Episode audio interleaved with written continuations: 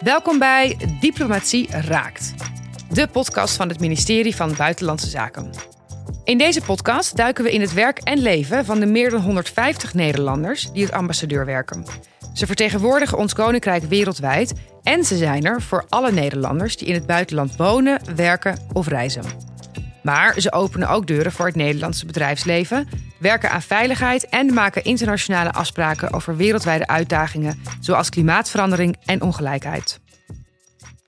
Maar wat betekent dit nou eigenlijk concreet? Wat doet een ambassadeur precies? En is uitgezonden worden echt zo avontuurlijk als het klinkt? Mijn naam is Liesbeth Rasker. Ik ben freelance reisjournalist en in dit tweede seizoen van Diplomatie Raakt ga ik op zoek naar de antwoorden op deze vragen. Iedere aflevering praat ik met een andere ambassadeur over het vak, de mens achter het werk en probeer ik te begrijpen wat het nou precies betekent ambassadeur zijn. Vandaag praat ik met Irma van Duren, onze ambassadeur in Jemen. Of nou ja, ik moet eigenlijk zeggen, onze ambassadeur in Den Haag. Door de oorlog in Jemen kan ze namelijk niet vanuit de ambassade in Sanaa werken. Dus verdeelt ze noodgedwongen haar tijd tussen de buurlanden van Jemen en het ministerie in Den Haag. We spreken elkaar twee dagen nadat ze terug is van een rondreis door Jemen en ze vertelt ons wat ze daar heeft gezien en meegemaakt. Ook legt ze uit waarom Nederland eigenlijk nog steeds actief is in Jemen. En tot slot neemt Irma ons mee naar Stockholm, waar eind 2018 de vredesonderhandelingen plaatsvonden. Laten we gewoon beginnen bij het begin. Wat voor ambassadeur ben je? Nou, ik denk dat ik. Um, in de eerste plaats is mijn functie al een beetje anders dan de meeste ambassadeurs. Omdat ik niet in mijn land kan zijn. Ja. Want het is een land in oorlog, dus ik ben geëvacueerd. Dus ik ben een reizende ambassadeur om te beginnen. Dus Mhm. ik ben steeds ergens anders. Dus dat, ja, dat is best wel specifiek. Maar meer inhoudelijk in je werk? In mijn werk denk ik dat ik eh, vrij gedreven ben. En zeker op een aantal onderwerpen. eh, zoals mensenrechten, eh, vrouwenrechten. Ehm, ja, toch een soort gedrevenheid ook om, om iets, echt iets te doen aan eh, de oplossing van die oorlog. Maar ik denk dat ik ook echt wel voor mezelf iets wil bereiken in zo'n paar jaar. Ja. Ehm, zijn er dingen die je niet leuk vindt aan je werk? Nou, wat ik net zei, ik ben eigenlijk altijd op reis. Dus dat Mhm. is echt driekwart van de tijd. En zoals nu ben ik net terug. En dan ben ik in heel veel landen geweest, heel veel gebieden. En dan ben je best wel moe. Ja. En dan dat, dat gaat, ja, zo af en toe moet ik mezelf eventjes dwingen om pauze te nemen. Dus dat voortdurende reizen, dat hou ik, doe het nu bijna drie jaar.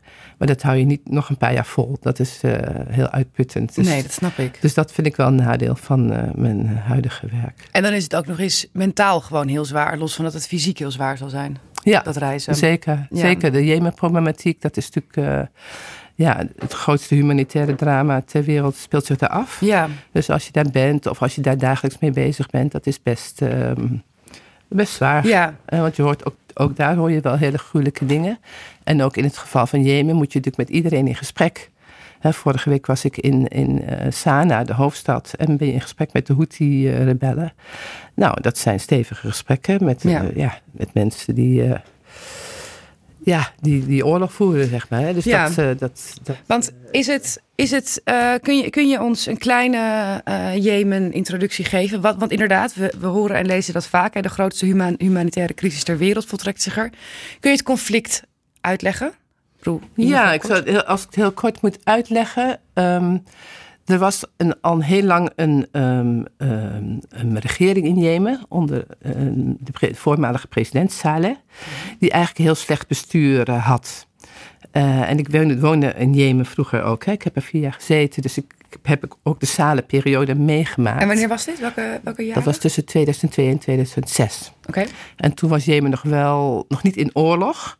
Maar eh, de president had wel een, een soort eh, beleid waarbij hij alle tribale groeperingen tevreden moest houden. Hè, er was altijd wel ergens een groep die ontevreden was. En daardoor was er ontzettend veel corruptie. En eh, ja, niet echt goed bestuur. Dus je weet dan dat op een gegeven moment dat niet meer goed kan gaan. Op een gegeven moment moeten mensen daar tegen in opstand komen. Dat kan eigenlijk niet anders. Kan je die dat- balans niet meer. Dat voelde je toen eigenlijk al. Nou goed, in 2011, toen had je natuurlijk de Arabische lentes, zeg maar. Ja, wat, wat uiteindelijk niet zo echt lentes waren, maar in ieder geval de opstanden in de Arabische wereld. En dat was ook in Jemen is dat toen gebeurd. En eh, voor Jemen heel speciaal dat ook vrouwen de straat op gingen. Want die hebben in Jemen echt een achtergestelde positie. Maar ook jongeren. En die vroegen een ander, eh, ja, een ander bestuur, een andere regering.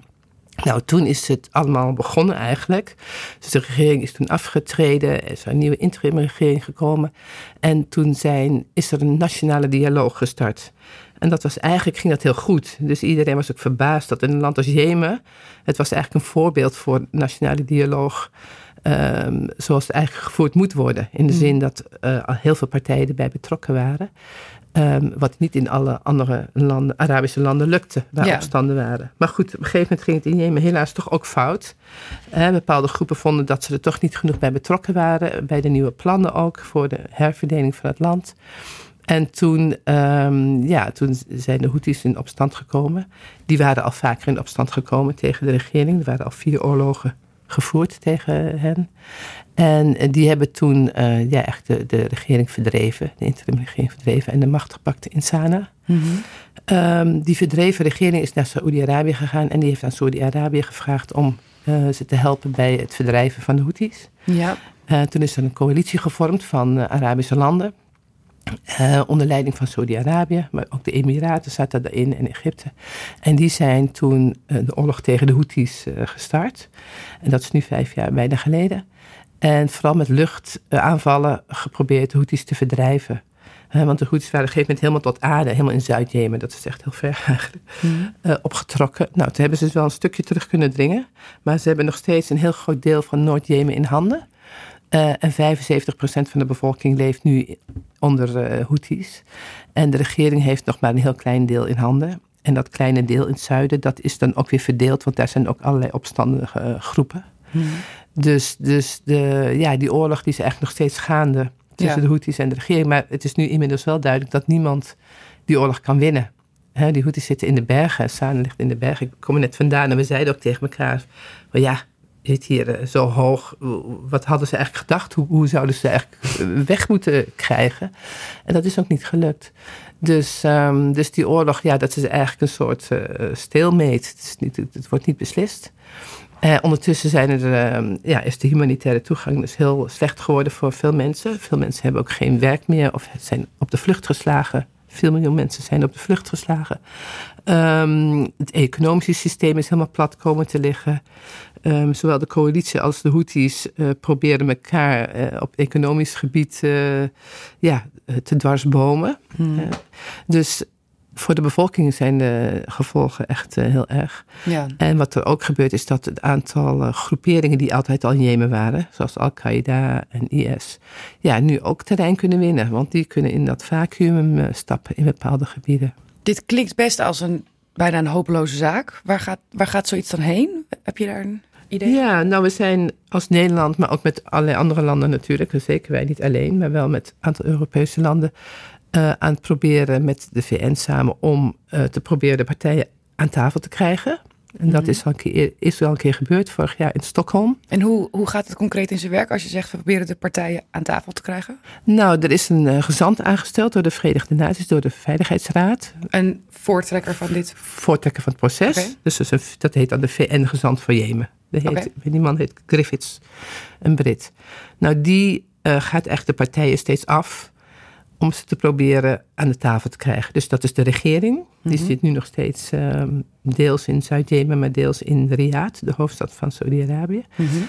En de Houthis. Dus ja. Martin Griffiths die reist, ste reist steeds rond langs de partijen, maar ook um, langs de regionale partners die betrokken zijn. Hè, zoals de Emiraten of Egypte. Of, nou, en wij spreken hem ook regelmatig. En wij vragen dan aan hem: van hoe kunnen we jou ondersteunen bij dat proces? Ja. En hij zegt dan tegen ons: van nou, ga je ook eens met uh, Saudi-Arabië praten of met de Houthis om te proberen wat meer druk er op te leggen. En hoe, gaan, hoe gaat zo'n gesprek?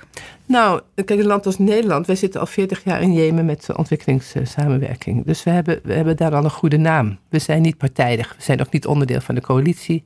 We leveren ook geen wapens aan de coalitie. Dus wij worden wel gezien als een vrij onafhankelijke partij die niet een bepaald belang heeft. Ons belang om de, ons ermee te bemoeien is natuurlijk wel. Want wij willen niet dat ehm, die terroristische groeperingen nog verder uh, voet aan de grond krijgen in dat gebied. We willen ook niet dat er allerlei vluchtelingen, nog, nog grotere migratiestromen op gang komen. Dus het is ook voor Nederland wel belangrijk om ons ermee te bemoeien. Dus wat wij dan doen is, ehm, zoals ik, wat ik vorige week deed, is naar Sana reizen. Als dat mag, want ik moet wat toestemming hebben van Saoedi-Arabië en van de regering om daarheen te gaan. Ehm, en dan zit je echt met de Houthi-leiders aan tafel. En dan heb je het erover van, goh, vinden jullie zelf ook niet uh, dat het uh, tijd is om die oorlog te beëindigen? Ja.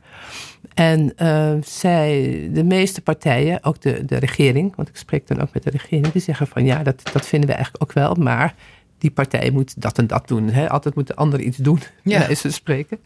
Dus dan probeer je een beetje um, te kijken van ja, waar, waar, is de, waar is de overeenkomst? Waar kun je mee beginnen? Waar zijn de belangen, kun je de belangen uh, gelijkstellen, zodat je een, een, afspraak kunt maken met de twee partijen. En nu is er een, een soort de-escalatie, zoals, ze dat noemen, dan gaande, waarbij de partijen hebben afgesproken van nou, we doen minder luchtaanvallen. Dus de, de Saoedi's doen minder luchtaanvallen en dan zullen de Houthis niet meer olieinstallaties in Saudi-Arabië aanvallen, zoals ze een paar maanden geleden hebben gedaan. En dan zo stapje voor stapje voor stapje. Um, en dan, dan is dat een hele een afspraak. Maar goed, dat is dan, die moet dan ook wel uitgevoerd worden. Maar zo probeer je dus stapje voor stapje um, uh, ja, afspraken te ja. maken. En dan gaan wij weer naar Griffiths en zeggen van nou, dit, dit was hun reactie. Misschien kun je dat en dat doen. Uh, dus ja, ja, het is eigenlijk een kwestie van praten, praten, praten. Dus, dus vorige week hebben we vrij uitgebreid met, met de leiders van Houthis om tafel zitten. Van wat is er dan nodig voor jullie? Ja. En nou, zij zeggen dan tegen ons als voorbeeld. Um, we willen dat ten eerste onze luchthaven wordt geopend. Want Sana luchthaven is door de Saoedi's afgesneden van uh, de buitenwereld. Hè? Dus er mogen geen vlucht meer op. Nou, dat vinden zij heel lastig. Dus zij zeggen van, als je nou eerst die luchthaven opent, dan willen wij ook wel een stapje zetten. En dat noemen we dan um, vertrouwenwekkende maatregelen. Dus dan kun je een beetje hè, eerste stapjes uh, met de partijen afspreken, zodat je op een gegeven moment uh, naar een groter uh, akkoord kunt werken. Ja.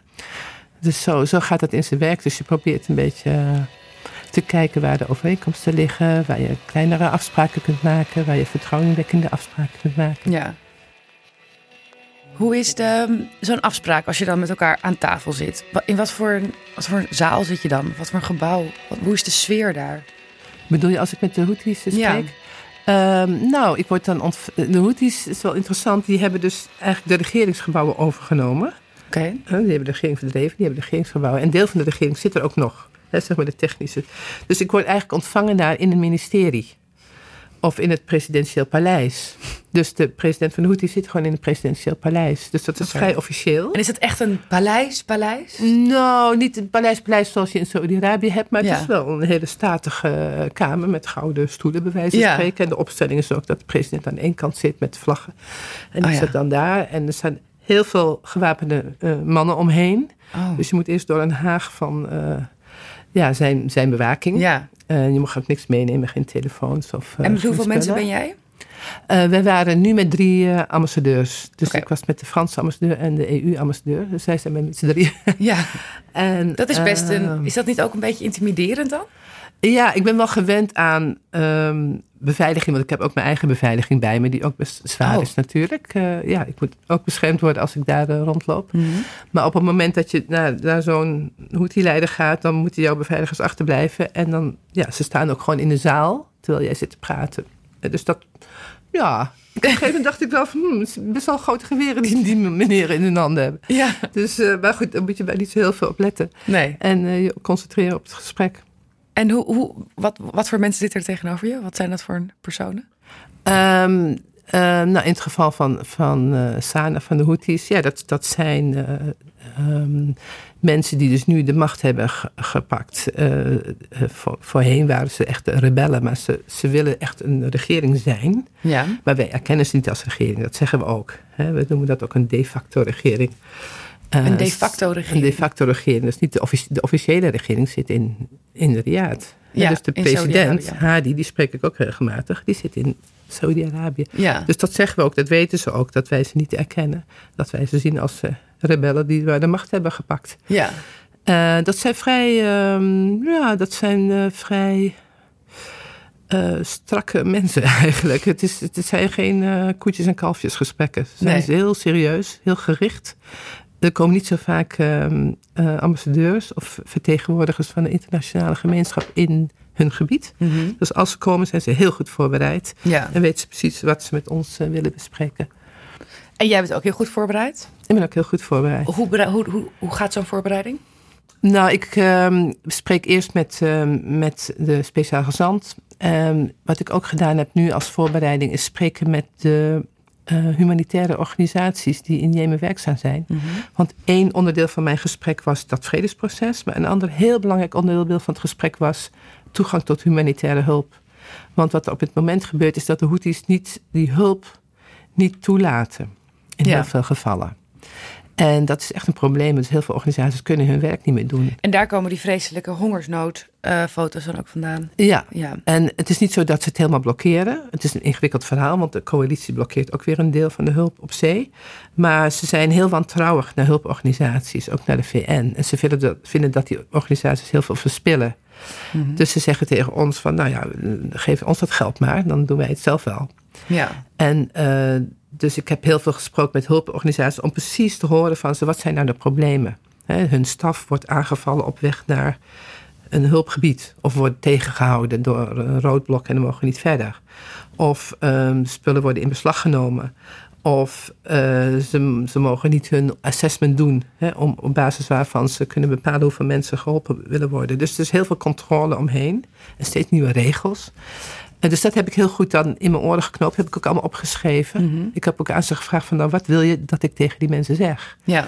En uh, dus dat heb ik, daar heb ik ook gewoon echt een papiertje bij met, uh, met spreekpunten die ik mee heb gekregen. Mm -hmm. En dat, uh, nee, dat, dat, dat zeg ik dan ook gewoon van. Ja. Goh, hè, ik heb gehoord van die hulporganisaties dat ze worden tegengehouden, dat hun staf wordt bedreigd. dat vinden wij geen goed idee. Het is ons geld. Mm -hmm. Het komt van onze belastingbetalers en we willen dat dat goed besteed wordt. En uh, dus ja, kunnen jullie daar wat aan doen? En wat zeggen ze dan? En dan zeggen ze van, nou, dat is helemaal niet waar. ze vindt, dat, ik vond het wel een interessant gesprek, omdat zij niet heel erg op de hoogte zijn van de internationale afspraken rondom hulpverlening. Ja. Weet je, we hebben humanitaire principes en we hebben gewoon afspraken. Zo, zo doe je dat. Ja. Maar zij zijn natuurlijk ja, een soort rebellenbeweging, dus die hebben er een lak die, aan. Die, ja, die zeggen: geef me maar aan ons dat geld, want het, al die verspilling. En dan, dan, moet je ons 2% afdragen. En dan moet je echt uitleggen: ja, maar zo werkt het niet. We kunnen niet een rebellengroep zomaar die hulp geven. Nee. Het moet onafhankelijk gebeuren. Dus het is best een interessant gesprek. Ja. Maar in de eerste instantie ontkennen ze dan alle, alles wat ik zeg. Dat is niet waar en jullie, uh, jullie voeren oorlog tegen ons en wij uh, altijd slachtoffer. En dan zeg je, oké, okay, nou ja, dat is niet zo constructief. Hè? Dus kunnen we een oplossing uh, bedenken voor dit? kunnen jullie misschien toch ons een beetje tegemoet komen? En, en ik snap wel waar jullie vandaan komen, maar hoe komen we hier uit? Want we willen toch echt heel graag als Nederland dat die mensen bereikt willen worden met onze hulp. want ja. anders dan gaan we wel naar een ander land. dus die mensen moeten geholpen worden. Als je dat tegenhoudt, ja, dat, dat, is niet, uh, dat is niet goed. Nou ja, en dan, dan merk je dat ze op sommige terreinen ook misschien nog wel, ja, wel uh, een maatregel nemen. later gingen wij reizen in Jemen en toen hoorden we al dat sommige dingen die we opgebracht hadden, al, er was al contact opgenomen met dat project. En toen mochten ze toch door. Ja. Dus soms dan, dan helpt het ook dat je dan iets zegt. En dan, ze zijn wel vrij direct. Dus pak dan wel de telefoon van... Oh, jongens, uh, laat die toch maar door. Want ze hebben hier geklaagd, bij wijze spreken. maar goed, dat is wel leuk. Maar je wilt natuurlijk een, een uh, grotere oplossing. Je wilt gewoon dat, dat uh, die hele samenwerking verbetert ja. tussen de Verenigde Naties en die hulporganisaties en, en die uh, de facto regering. Hoe lang zit je met elkaar aan tafel? Hoe lang duurt zo'n afspraak? Um, nou, ik heb er heel veel gezien, hè, want je hebt heel veel leiders en mm -hmm. ook ministers en, en de prime minister en zo. Dus een afspraak duurt meestal een, een uur. Ja. Maar ik heb dan wel op een dag 10, 15 afspraken. Oh. Ga ja. je ze allemaal langs? Ja, ga ze allemaal langs. Jeetje, Mina. En ik heb het hele kabinet hebben ook tegenover ons gehad. En uh, alle ministers die van belang zijn. De minister van Gezondheid, de minister van Water, de minister van Transport, de minister van... Die zien we allemaal één voor één. Ja. En, en dan gaan we ook nog het veld in naar uh, een gebied, dus Hodeida in dit geval, de, de, haven waar de humanitaire hulp binnenkomt. Mm. Om daar ter plekke ook nog met mensen te spreken over, uh, ja, en, en, te zien ook of ja. het wel of niet gebeurt. Je zei het al even toen je binnenkwam. Je bent uh, een paar dagen geleden nu teruggekomen van deze reis. Hoe was dat? De reis? Ja. En het was ontzettend intensief, wat, wat ja. ik dus net zei. We hadden dus ontzettend veel afspraken op een dag. En behalve de leiders zie je ook, uh, probeer je ook andere mensen te zien. Hè? Dus de hulporganisaties heb ik al genoemd. Maar ook, ik heb een ambassade daar. Hè? Dus mijn, mijn, mijn huis staat daar eigenlijk en mijn kantoor. Ja. En daar zitten negen Jemenitische staf in, dus mijn team. Mm -hmm. En eigenlijk hoor ik daar gewoon te zitten. Maar nu uh, spreken we elkaar meestal via FaceTime. Dus het eerste wat ik doe is eigenlijk naar mijn ambassade rennen. Nou, ik kan niet rennen, maar met mijn hele escorte zeg ik dan die kant op. En um, de ambassade bezocht. En dat is altijd ja. heel geweldig. Het is de tweede keer pas in de, al die jaren. En dat is voor die uh, lokale staf natuurlijk fantastisch dat ik dan langskom. Ja. En dat, ja, dat, dat, dat, dat er gewoon iemand is. Want wij zijn vijf jaar geleden vertrokken. Ja, precies. Dus dat, uh, dat doe ik. En dan heb ik een gesprek met, met de staf, maar ook met de beveiligers die on, onze gebouwen daar uh, beveiligen. Mm. En dan gaan we ook allemaal met elkaar op de foto en zo. Dus dat is uh, wel een heel mooi moment altijd in zo'n reis. Want je werkt inderdaad vanaf afstand. Je woont ja. niet in Jemen, dat kan niet? Nee, dat kan helaas nee. niet. Nee, nee, hoe. Hoe, hoe, hoe, hoe gaat het in de praktijk? Je hebt daar dus inderdaad een team zitten. Um, hoe, je hebt contact via FaceTime, Skype? Ja. Uh, kun je ons door een werkdag heen uh, lopen? Ja, nou we hebben, we hebben een, een, een, vier locaties eigenlijk. Dus ik heb een team van uh, Nederlanders. Die zijn geëvacueerd een aantal jaren geleden. Daarvan zitten, is onze thuisbasis is hier Den Haag. Mm -hmm. Dus het kantoor hier verderop zitten, zitten wij. maar we moeten natuurlijk zoveel mogelijk in de regio zijn. Dus mm -hmm. we hebben in Amman, Jordanië, hebben we een soort klein kantoortje waar altijd twee of drie van ons zitten. We hebben ook twee appartementen waar we in roleren. Ja. Uh, omdat in Amman zitten alle hulporganisaties en er zitten ook andere ambassades. En er zit de EU en er zit de VN-gezant. Dus dat zijn allemaal belangrijke partners. Ja. Dus daar zijn we heel veel voor vergaderingen. Dus er zitten altijd een paar stafleden in Amman. Ik heb ook een medewerker in Riyadh. Een politiek medewerker die uh, het contact met de regering onderhoudt. Mm -hmm. uh, en ik um, roleer dus tussen al die locaties. De constant? Constant. Ja. Ja, dus, dus als wij, uh, zeg maar op maandagochtend, dan begin ik hier in Den Haag en dan hebben we om tien uur een teamvergadering. Dan hebben we een scherm, zetten we aan, waarop we onze medewerkers in Sana zien. Als de internet werkt tenminste, dat is ook niet altijd het geval. Nou, dan zitten wij degene die aanwezig zijn in Den Haag, in Den Haag achter het scherm. Maar dan hebben we ook nog twee telefoons liggen. Want er zit altijd iemand, één of twee mensen in Amman. En er zit ook altijd iemand in Riyadh. Dus we hebben dan, en dat is dan onze vergadering. Ja. Uh, dus we hebben zo twee, drie telefoons liggen en twee schermen. En, maar dan doen we wel onze teamvergadering. Dus dan Ja. doen we net zoals een ander team wat gewoon om een tafel zit. Zo zitten wij dan te vergaderen. En dan nemen wij de week door. Wat er gaan we doen? is. Wat gaan we doen? Wat is gebeurd? Wat gaan we doen? Want we hebben heel veel projecten lopen Ja. in Jemen. Dus die bespreken we dan ja, zoals een ander team. Alleen we kunnen elkaar, ja, we moeten het via het scherm doen. Ja. En ehm, dus dat, ja, zo, zo, zo werkt ons, zo loopt onze dag. Eh, als ik in Nederland ben, dan, dan heb ik hier een aantal gesprekspartners. Maar meestal ben ik dus in het buitenland. En dan, eh, ja, ik heb meestal gesprekken dan. Of met de regering, of met de VN-gezant, of met eh, een hulporganisatie, of met een andere ambassadeur. We hebben vijf eh, Europese ambassadeurs die zich met Jemen specifiek bezighouden. Dus wij zien elkaar ook heel vaak, meestal in Amman. Dus dan hebben we een EU-ambassadeursvergadering, waarin we samen bepalen van hoe, hè, hoe is het nou met het vredesproces? Hoe gaat het verder? Wat kunnen wij als Europese Unie doen Ja. om dat proces te bespoedigen? Ehm, en als je zegt het vredesproces, waar, waar zitten we nu ongeveer, denk je? Nou, we hadden vorig jaar ehm, in Stockholm een heel belangrijk moment. Dat was ehm, de, de Stockholm-besprekingen. Dat Mhm. Best apart trouwens, want die Houthis die zijn toen daar naartoe gebracht. Ik wou het zeggen, waarom En is de dat in regering. Stockholm? Ja. Ja, weet je, dus altijd dan een land wat moet voorstellen dat ze de besprekingen, dat ze gastland zijn voor de besprekingen. En is dat heel ingewikkeld, want sommige landen zijn niet acceptabel voor de een en andere landen niet voor de ander. Saudi-Arabië Ah. wil het wel doen, maar de Houthis willen niet naar Saudi-Arabië, want dat zien ze als vijand. Nou, misschien wil Oman het wel doen, maar dan zien anderen dat weer als een eh, nogal dicht bij Iran. Dus je moet een land vinden Lekker neutraal. wat neutraal is. Nou ja, Zweden is natuurlijk wel neutraal. En die had ook een vliegtuig aangeboden om de Houthis dan ehm, daarheen te brengen. Dus op de een of andere manier eh, kwamen wij in Zweden terecht. Nou, het was, het was december, eind december was bijna kerst. Dus het was heel, heel erg koud, en heel erg donker in Zweden.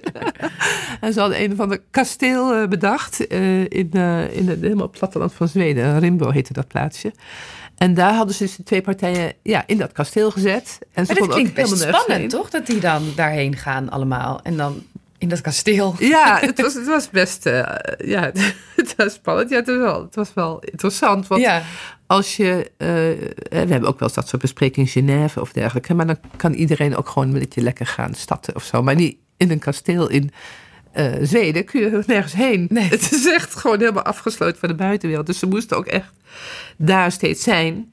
En ook, uh, je hebt dan, er waren geen rechtstreekse besprekingen overigens. Ze zaten allebei in een ander oh, deel van het kasteel. Ze, ze, wilden niet bij elkaar aan tafel? Nee, en de, de bemiddelaars die lopen dan heen en weer. Jeetje. Van de een naar de ander om een bepaald onderwerp te bespreken en een, voorstel te doen. En dan gaat de andere kant weer kijken of ze daarop in willen gaan. Het klinkt omslachtig en vermoeiend. Ja, uh, we hadden wel een gezamenlijke opening en een gezamenlijke sluiting. Uh, en wij als diplomaten, om onze rol uit te leggen, wij zitten niet in het kasteel, maar wij zaten in Stockholm. Maar wij moeten dat dan ondersteunen door er te zijn. Weet je, gewoon ook als waarnemers. En als er iets vastzit, kunnen wij misschien ook met een partij nog even proberen een beetje te duwen. Maar je bent er niet bij die besprekingen zelf? Ik ben niet bij de dus? besprekingen zelf. Dat is alleen de, de bemiddelaar. En waarom mogen jullie daar niet bij zijn? Of kunnen nou, jullie er niet bij zijn? Ja, omdat dan, het is handiger om erbij te zijn als er echt een spannend moment is. dus dat, dat, wij dat dan kunnen bekrachtigen. Okay. Maar de bespreking zelf, dat is een beetje onder, onder, onder elkaar ook natuurlijk. Dus willen ze misschien ook niet uh, heel veel mensen bij hebben zitten. Maar jullie hebben wel contact met die bemiddelaars en die... Ja, en die uh, vertellen ons iedere dag uh, precies, hoe het staat. Niet, niet precies, is. maar wel ongeveer. Ja. Wat we ook doen is, er zit altijd een groep vrouwen bij. Er is altijd een beetje een probleem met die onderhandelingen. Dat wij als Nederland zeggen van vrouwen moeten deelnemen aan de onderhandelingstafel. Dat is gewoon hè, zo bepaald, ook in allerlei VN-verdragen natuurlijk en resoluties. Maar uiteindelijk zit er maar één vrouw aan tafel van de regering. Hmm. En er zitten dus 18, iedere partij neemt 18 mensen mee. 18? 18, dus één van de 18 van de regering was vrouw en de Houthis hadden geen vrouw meegenomen. Dus, uh, maar dan is er wel een soort vrouwenadviesgroep. Dat nou is er ja, dan wel? Die is dan wel, maar die moet dan uh -huh. ergens apart ook zitten om met de bemiddelaar te adviseren. Dus dat, ja, we proberen ook met die vrouw in contact te zetten. Wat is nou jullie agenda? En ook bij de partijen aan te dringen dat ze gewoon wel vrouwen in hun delegaties opnemen. Wat goed dus, dat daar speciale aandacht voor is. Ja, nou ja, het is eigenlijk niet goed dat ze er niet zijn. Nee. Ik denk dat dat nodig is om een speciale adviesgroep van ja, vrouwen in te stellen. Maar goed, dat, dat is dan ook onder de ja. druk van uh, Nederland en andere landen ja. gebeurd. Maar die besprekingen die zijn in dat kasteel gaande. En je zegt, dat, is een, dat was een mooi moment. Want nou, was een mooi moment. Want op een gegeven moment kwam er dus uit een soort akkoord uit van, over een wapenstilstand in Hodeida. Die stad die ik vorige week bezocht heb. Ja. Dat in ieder geval daar ze de wapens neer zouden leggen. En uh, er zou ook een VN-missie komen om dan die wapenstilstand te monitoren. Zodat voedsel makkelijker binnen kan komen. Want als een stad in oorlog is, dan kan er geen, dan kan er geen humanitaire hulp binnenkomen. En zodat de burgers in ieder geval daarmee geholpen zijn. Ja, dus dat de burgers gewoon die hulp krijgen. Is dat dan een grote, grote doorbraak? Dat werd toen wel gezien als een doorbraak. Wat, wat ook wel goed was, was dat ze zitten dus in aparte delen van het kasteel, maar ze eten wel samen. Oké. Okay. Ze kennen elkaar ook trouwens. Dus, dus wij zaten ook altijd, we kwamen ook altijd om, om te eten. En dan ja? zie je dat het eigenlijk best gezellig is onderling. Oh, maar ja? even later gaan ze weer gewoon. Ja.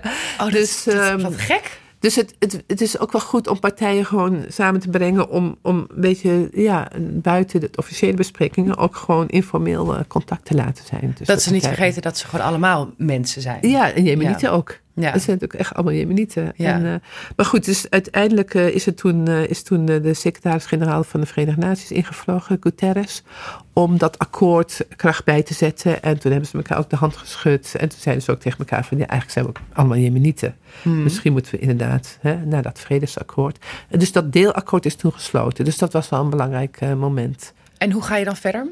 En wat er uh, daarna gebeurd is, is dat uh, de partijen dan dat moeten uitvoeren. Mm -hmm. En daar zitten we dan allemaal bovenop. Uh, de gezant, maar ook wij. Dus we pra praten met de regering over, nou, doen jullie stap 1, 2, 3, 4, want dat is dan helemaal bepaald. Nou, dat is maar deels gelukt, moet ik heel eerlijk zeggen hoor. Dus nu, meer dan een jaar later, is eigenlijk fase 1 amper uitgevoerd. En waar ligt dat dan aan? Um, ja, omdat partijen dan, als het over de details gaat, gaan partijen elkaar beschuldigen van dat ze het bestand schenden. Of ja, jij zou dit en wij zou dat. Ja, dan wordt het een soort onderling uh, gehannes. Uh, maar wat wel belangrijk is, is dat die havenstad, en dan, daar wilde ik dat ook met eigen ogen zien vorige week, wel uh, nog steeds toegankelijk is voor humanitaire hulp. En dat is natuurlijk een van onze doelstellingen. We zijn als Nederland hebben daar ook aan bijgedragen door twee havenexperts te sturen van de haven van Rotterdam. Die zijn er geweest een paar maanden geleden. En die hebben ook gekeken van nou, hoe kan die haven opgeknapt worden. Zodat die hulp binnen kan komen. Ja. Dus um, ja, het is toch belangrijk dat dat in ieder geval gebeurd is. En het is ook wel belangrijk dat er een deelakkoord is. En je hoopt natuurlijk dat er meerdere deelakkoorden akkoorden komen. Om uiteindelijk een overal uh, agreement te hebben. Maar als het al zo lang duurt om, een, om onderdelen van een deelakkoord door te voeren, dan duurt het nog heel veel langer om het gehele akkoord ja, dat klopt. Dat klopt. En dat, is ook, uh, dat zien we nu ook. Maar uh, ja, we moeten natuurlijk nog steeds een, het allemaal bij elkaar proberen te brengen. En dat gaat nog wel even duren als ik het zo zie, ook vorige week. Um, er is wel minder, er, is wel minder, er zijn wel minder gevechten. Maar er is nog niet een oplossing. En de VN-gezant, die, uh, ja, die krijgt ook niet echt van elkaar op dit moment om de partijen aan tafel te krijgen. Dus er moet toch wel heel veel meer gesproken worden en onderhandeld worden. Word je daar wel eens moedeloos van? Nou, zo'n week als afgelopen week, weet je, als ik dan na afgelopen week terugkom, dan denk ik wel, goh, het gaat wel heel lang duren. En, en de Jemenitische burgers zijn er wel het slachtoffer van. Ja. Het, voorlopig wordt het voor hen eh, niet beter. Dus dat, ja, moedeloos. Weet je, als je moedeloos wordt, dan, heb je, dan ga je, zak je misschien een beetje weg. Mhm. Dus dat, ik word niet echt moedeloos, maar ik denk wel van nou, dan denk ik meer van goh, wat moeten we doen om het te kunnen versnellen. Dus ik probeer het ja, positief uh, om te zetten in een soort. Uh, en hoe doe je dat dan? Want waar vind je dan de, de kracht om dus inderdaad niet moedeloos te worden en om positief te blijven en om te denken, nou, we gaan, we gaan het aanpakken. Hoe, hoe, houd je dus, hoe houd je dit vol? Ja, dat weet ik echt niet zo goed. Ik, uh, ik moet eerst, als ik dan terug ben van zo'n reis, moet ik eventjes gewoon iets voor mezelf doen. Dat is mhm. wel belangrijk, want het is wel, je hoofd zit wel heel vol. Weet je, met heel veel indrukken, heel veel nou. gesprekken. Nou. Uh, dus je moet echt ook, je hebt ook heel veel gezien. Uh, zoals die kindertekeningen, dat blijft echt nog wel even eh, in je hoofd zitten. Dus dan moet je, ik denk dan wel, ik moet dan wel eventjes iets voor mezelf doen, iets heel anders. Wat ga je dan doen? Bij vrienden of oh, met een vriendin naar de, de, sauna of je wel, gewoon even iets, iets normaals. Anders, iets, iets gewoons. Ja, iets ja. normaals. Dat doe ik dan in Amman trouwens, want ik was nog niet in Nederland. Um, dus eventjes iets anders doen en even eh, ja, de gewone wereld zeg maar uh, in. En uh, dat is ook best een overgang dan, als je dan uit zo'n gebied komt. Ja, wow. Dan loop je in Nederland, ja, gewoon zo zeg maar. In, Waar alles opeens functioneert. In het winkelcentrum bij ons op de hoek. Je denkt, oh ja, ja, ja, ben weer terug. Maar dan moet je heel eventjes afstand nemen, iets anders doen. Of een film met iemand naar een film gaan of zo. Ja. En dus eventjes een beetje weer opladen. En dan, maar dan, ja, kan ik wel vrij snel weer verder om de schouders erop moet erin. ja, dus ja. ik ben niet zo snel ontmoedigd, eh, denk ik. Nou, en zeker als je zo'n rondreis door, door Jemen maakt, dan, dan ga je inderdaad wel heel veel dingen zien die je ook misschien niet had willen zien. Of in ieder geval die gewoon heel zwaar zijn om te verwerken. Ja, ja. het is wel. Ik ben natuurlijk wel in veel um, conflictlanden al geweest. Hè? Dus in Congo, uh, ja. in Burundi, Soudaan. Dus je hebt wel wat achtergrond. Dus je bent, ja, niet dat je het aan went. Maar je, je weet wel. Nee, went het, nooit? Nee, je weet wel hoe het is om erge dingen te zien. Maar het went natuurlijk nooit. Als je ziet dat mensen op de vlucht verslagen zijn of, of slachtoffer zijn van geweld.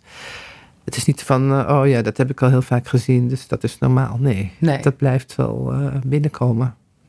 Gelukkig maar, denk ja. ik. Ja, anders, anders, anders ontmenselijkt je natuurlijk misschien niet goed zijn, hè? Um, we hebben je ook gevraagd, inderdaad, welke gebeurtenissen of momenten van de afgelopen jaar in Jemen is je het meest bijgebleven? Dat waren dus de vredesonderhandelingen in Stockholm? Ja, de vredesonderhandelingen in Stockholm. En het andere wat voor mij persoonlijk wel belangrijk was, was um, het jaarlijkse moment waarop onze staf, dus de Jemenitische staf, uh, het land uitgaat om met ons samen, dus, dus waarbij ik alles staf samen heb, ja. in het, uh, ons jaarlijkse retreat. En waar, hoe gaat, waar gaan jullie dan heen? Wat, ja, nou dan gaan we naar het land waar het makkelijkste is voor de Jemenieten om binnen te komen. Ja. Want dat is voor mensen met Jemenitische nationaliteit helemaal niet zo makkelijk. Nee, dat kan Ook niet in Nederland trouwens, maar ook niet in uh, Jordanië bijvoorbeeld. En welk land is dat? Uh, dus dit keer hebben we het, uh, afgelopen jaar hebben we het in Cairo gedaan. Mhm. Omdat dat het dicht, dichtbij is en dat ze daar zonder visum kunnen binnenkomen. Ja. Uh, maar dat is nog een heel, hele onderneming. Want uh, wat ik net vertelde, er zijn geen vluchten vanuit Sana meer. He, dus die luchtruim is gesloten, behalve voor hulpvluchten. Dus zij moeten dan over de weg door de vuurlinie naar Aden. Dus dat is 15 uur oh. in een busje. En ja, er, er zijn wel 100 checkpoints onderweg die ze door moeten.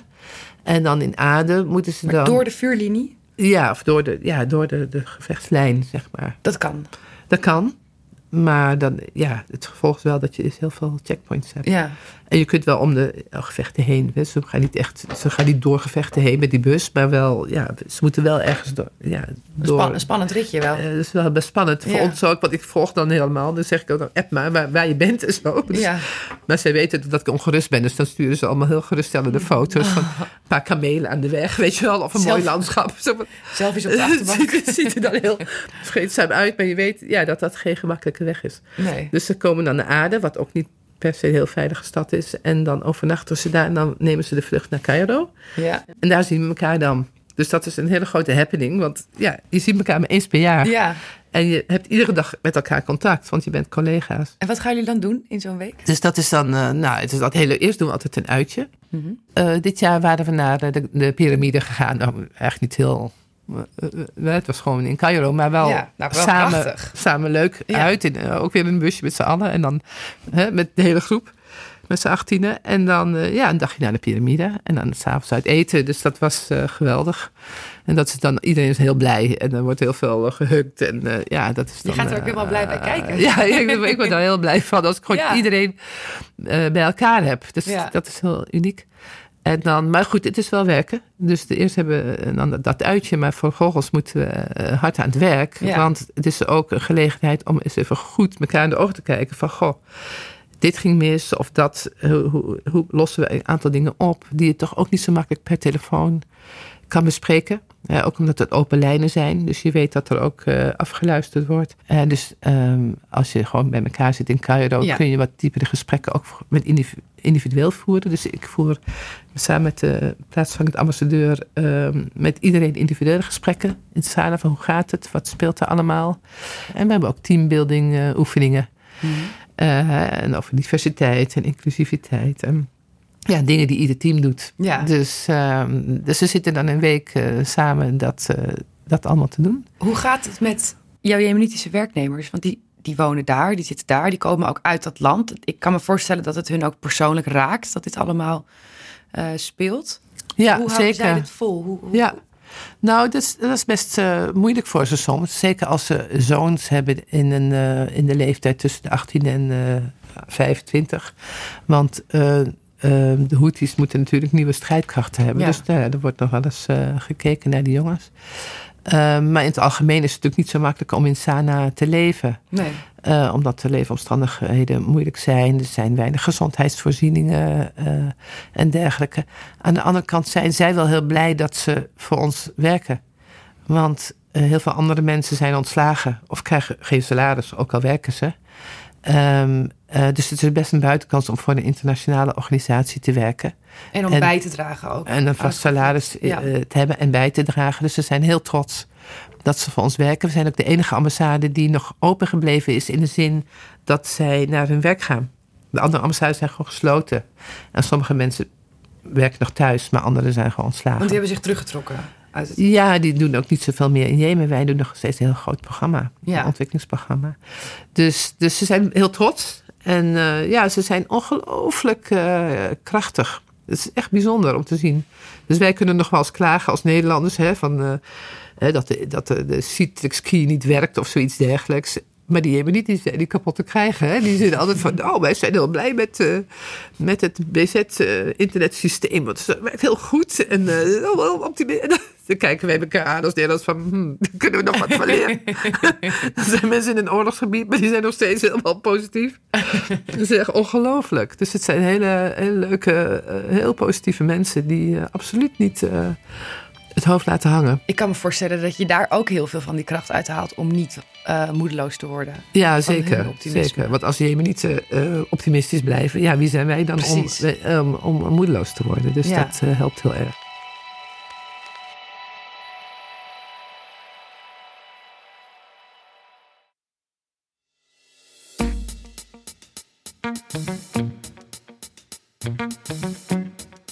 We doen even de Durf te Vragen rubriek. Dat is de Oh. rubriek waarin ik vragen mag stellen die voor jou heel eh, voor de hand liggend zijn, maar die Ah, ja. ik als eh, leek nog niet zo goed weet. We hadden in de voorbespreking hiervan eh, geleerd dat er zogenaamde hardship posts zijn. Mhm. Kun je vertellen wat dat zijn? Hardship posts zijn ehm, ehm, eh, ambassades die liggen in, meestal in een conflictgebied. Dus dan heb je het over Afghanistan, Irak, Jemen, Zuid-Soedan. Eh, dus dat zijn plekken waar je eigenlijk niet eh, met een familie kunt, geplaatst kunt worden. Wegens de veiligheidsmaatregelen. En waar je ook ja, een- een speciale training voor krijgt. Dus dat heet de heat training. Heat Eh, training. de heat, dus dat is eh, hoe je opereert in, ja, in conflictgebieden. Ja. Wat je daar kan overkomen en, en, en hoe je daar dan mee om kunt gaan. Dus dat, eh, dat zijn hardship posts. In Jemen is dus ook een hardship post. Jemen is ook een hardship post. Je hebt Ja. ook in Jemen een kortere plaatsingsduur dan gebruikelijk. Dus gebruikelijk heb- word je vier jaar geplaatst bij een ambassade en in Jemen is dat twee jaar. En is dat ook bij Irak en Afghanistan bijvoorbeeld? Of is dat dan specifiek voor Jemen? Ja, dus bij ieder land anders. Ik geloof dat Afghanistan ook twee jaar is. En Mhm. Irak denk ik ook inderdaad. En zit je bij een hardship post altijd in Den Haag of in ieder geval niet in het land? Of zit je dan ook wel eens wel in het land? Meestal zit je wel in het land en heb je een eh, speciale regeling, dat heet R&R. Omdat je R&R? familie, ja, dus Ja. rest and recover. Dus omdat je familie in Nederland zit, of, Ja. of ergens anders in ieder geval, die mag je niet meenemen. En omdat jij zelf in een heel moeilijk gebied eh, woont, eh, is er een regeling waarbij je een aantal weken werkt, maar een aantal weken eh, naar huis mag. Of in ieder geval het land Ah, uitgaat. dus je gaat op en je gaat af. Ja, nou in Jemen is een uitzondering, want wij zijn er al uit, Ja. geëvacueerd. Maar in Irak of in Afghanistan ben je dan een aantal weken daar. Ik geloof vier weken. En dan ben je vier weken thuis. En Mhm. Om dan het weer weer Draaglijk te om kunnen het, houden. ja, om het een beetje vol te houden. Dus Ja. als team moet je dan zorgen dat, dat je heel goede afspraken hebt over wie jou vervangt als Ja. je niet bent. En je zegt, je krijgt een speciale training, de heat training. Hoe, wat, wat voor training is dat dan? Dat is een training, eh, ehm, ja, werken in de conflictgebieden. Daar leer je eh, hoe je kunt reageren op dingen die kunnen gebeuren in dergelijke gebieden. Bijvoorbeeld een kidnapping.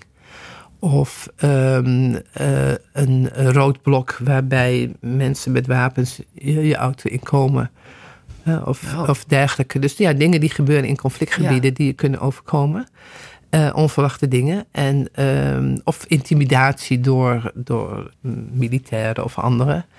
En dat soort dingen gebeurt je ook best regelmatig in dat soort landen. En ehm, zeker roadblocks bijvoorbeeld. Mhm. En eh, nou ja, hoe je daar dan kalm kan blijven en voor jezelf mee omgaat. Dus dat, je leert ook echt, je krijgt echt een training. Ja, hoe dus lang, er zijn dan acteurs, dat is een eh, vijf dagen. Er zijn ac- acteurs die, die, die eh, spelen dan. Oh, je, eh, rollenspellen komen er echt bij. Ja, dus je wordt echt gekidnapt en je moet echt eh, ergens Echt? zitten. Word je dan echt zo bruut meegenomen? Ja, het is echt een Oh. rollenspel. Ja, en, en je, wordt, je rijdt in een auto en je, je, je komt bij een roodblok en daar word je agressief benaderd. En, of je komt in een kantoortje met iemand die jou ja, begint Ja. te intimideren. En dus die acteurs zijn heel goed en die spelen Ja. dat. En, en wij moeten dan, dus dan leer je een beetje... Schrok het je niet af? Oeh. Dacht je niet, oh joh, waar? Nee, helemaal niet. Nee, ik had, ik had er best wel veel meegemaakt voordat ik die training überhaupt kreeg. Ehm, dus de meeste situaties waren me eigenlijk wel al bekend. Ja, Eh, maar het is altijd goed om je weer een beetje bewust van te zijn van, oh ja, hoe, hoe ga ik met eh, dingen om? ja. En het is dus wel nuttig. Maar ik was niet, ik schrok er niet van. ik had best wel al veel gezien. eh, Je bent wel een voordat ik- volgens mij ook. Ehm, hoe lang blijf jij nog ambassadeur voor Jemen? eh, nog een half jaar. En dan? Ik weet het niet. Nee? Dan ga ik naar een ander land, eh, denk ik. Is het moeilijk om het dan los te laten? Want je hebt dat, je hebt dat mooie team en... Ja, nou, ik denk niet dat het makkelijk is, nee. Ehm, aan de andere kant, op een gegeven moment weet je dat je weggaat. Ik weet nu dat ik in hè, de zomer eh, vertrek. Dus mentaal, ik, dat is niet de eerste keer natuurlijk, want ik heb al meerdere posten gehad. Dus je weet ook dat je er mentaal naartoe werkt. Ja. Hè, dat dat moment gaat komen. Dus, en iedereen weet dat ook. En er is ook al een vervanger bekend die eh, mij gaat opvolgen tegen die tijd. Die heb ik gisteren gezien. Dus het feit dat je al met je opvolger praat, eh, dat, eh, ja, dan En je, al een beetje naar van het vak. Je bent het gewoon gewend. Je bent gewend, Ja. want dat is hoe het gaat. Maar Ja, precies. in het geval van Jemen is het, ja, omdat het zo intensief is en het niet Weet je wel, er is niet echt een einde aan die oorlog of zo. Dus ja, je stapt er eigenlijk wel echt uit. Ja. Terwijl er nog zoveel te doen is. Dus dat is, uh, ja, dat is ook wel moeilijk. En je moet natuurlijk altijd afscheid nemen van mensen. Ja. ehm, die je misschien nog wel eens ziet, maar sommigen ook niet. Hè? Eh, zeker de lokale staf. Dus dat is altijd eh, wel moeilijk. Wat staat er nog op de agenda voor het komende half jaar? Ehm, nou, ik eh, probeer eh, wat vaker naar Jemen te gaan komende half jaar. Omdat het nu wat.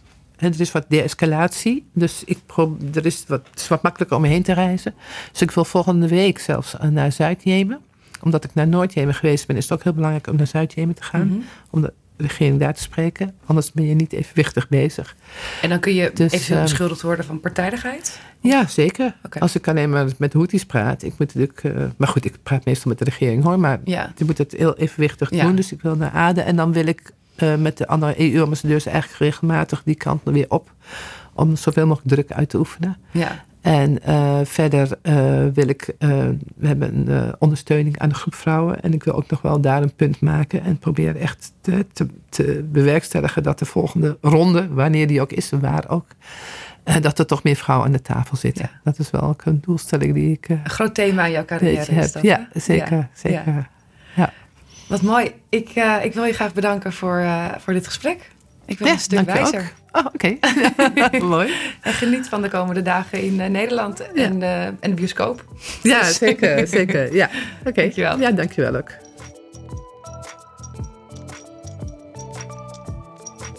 Dit was Diplomatie Raakt, een podcast van het ministerie van Buitenlandse Zaken. Wil je meer weten over wat het ministerie en de ambassadeurs doen? Luister dan ook seizoen 1 van Diplomatie Raakt. Of ga naar www.rijksoverheid.nl-bz. Daar vind je alles over het werk van het ministerie van Buitenlandse Zaken. De volgende keer heb ik Jeroen Rodeburg te gast. Dat is onze ambassadeur in Colombia. Diplomatie Raakt wordt in opdracht van het ministerie van Buitenlandse Zaken geproduceerd door Dag en Nacht Media. Het audiodesign is van Studio Cloak en ik ben Liesbeth Rasker. Dag!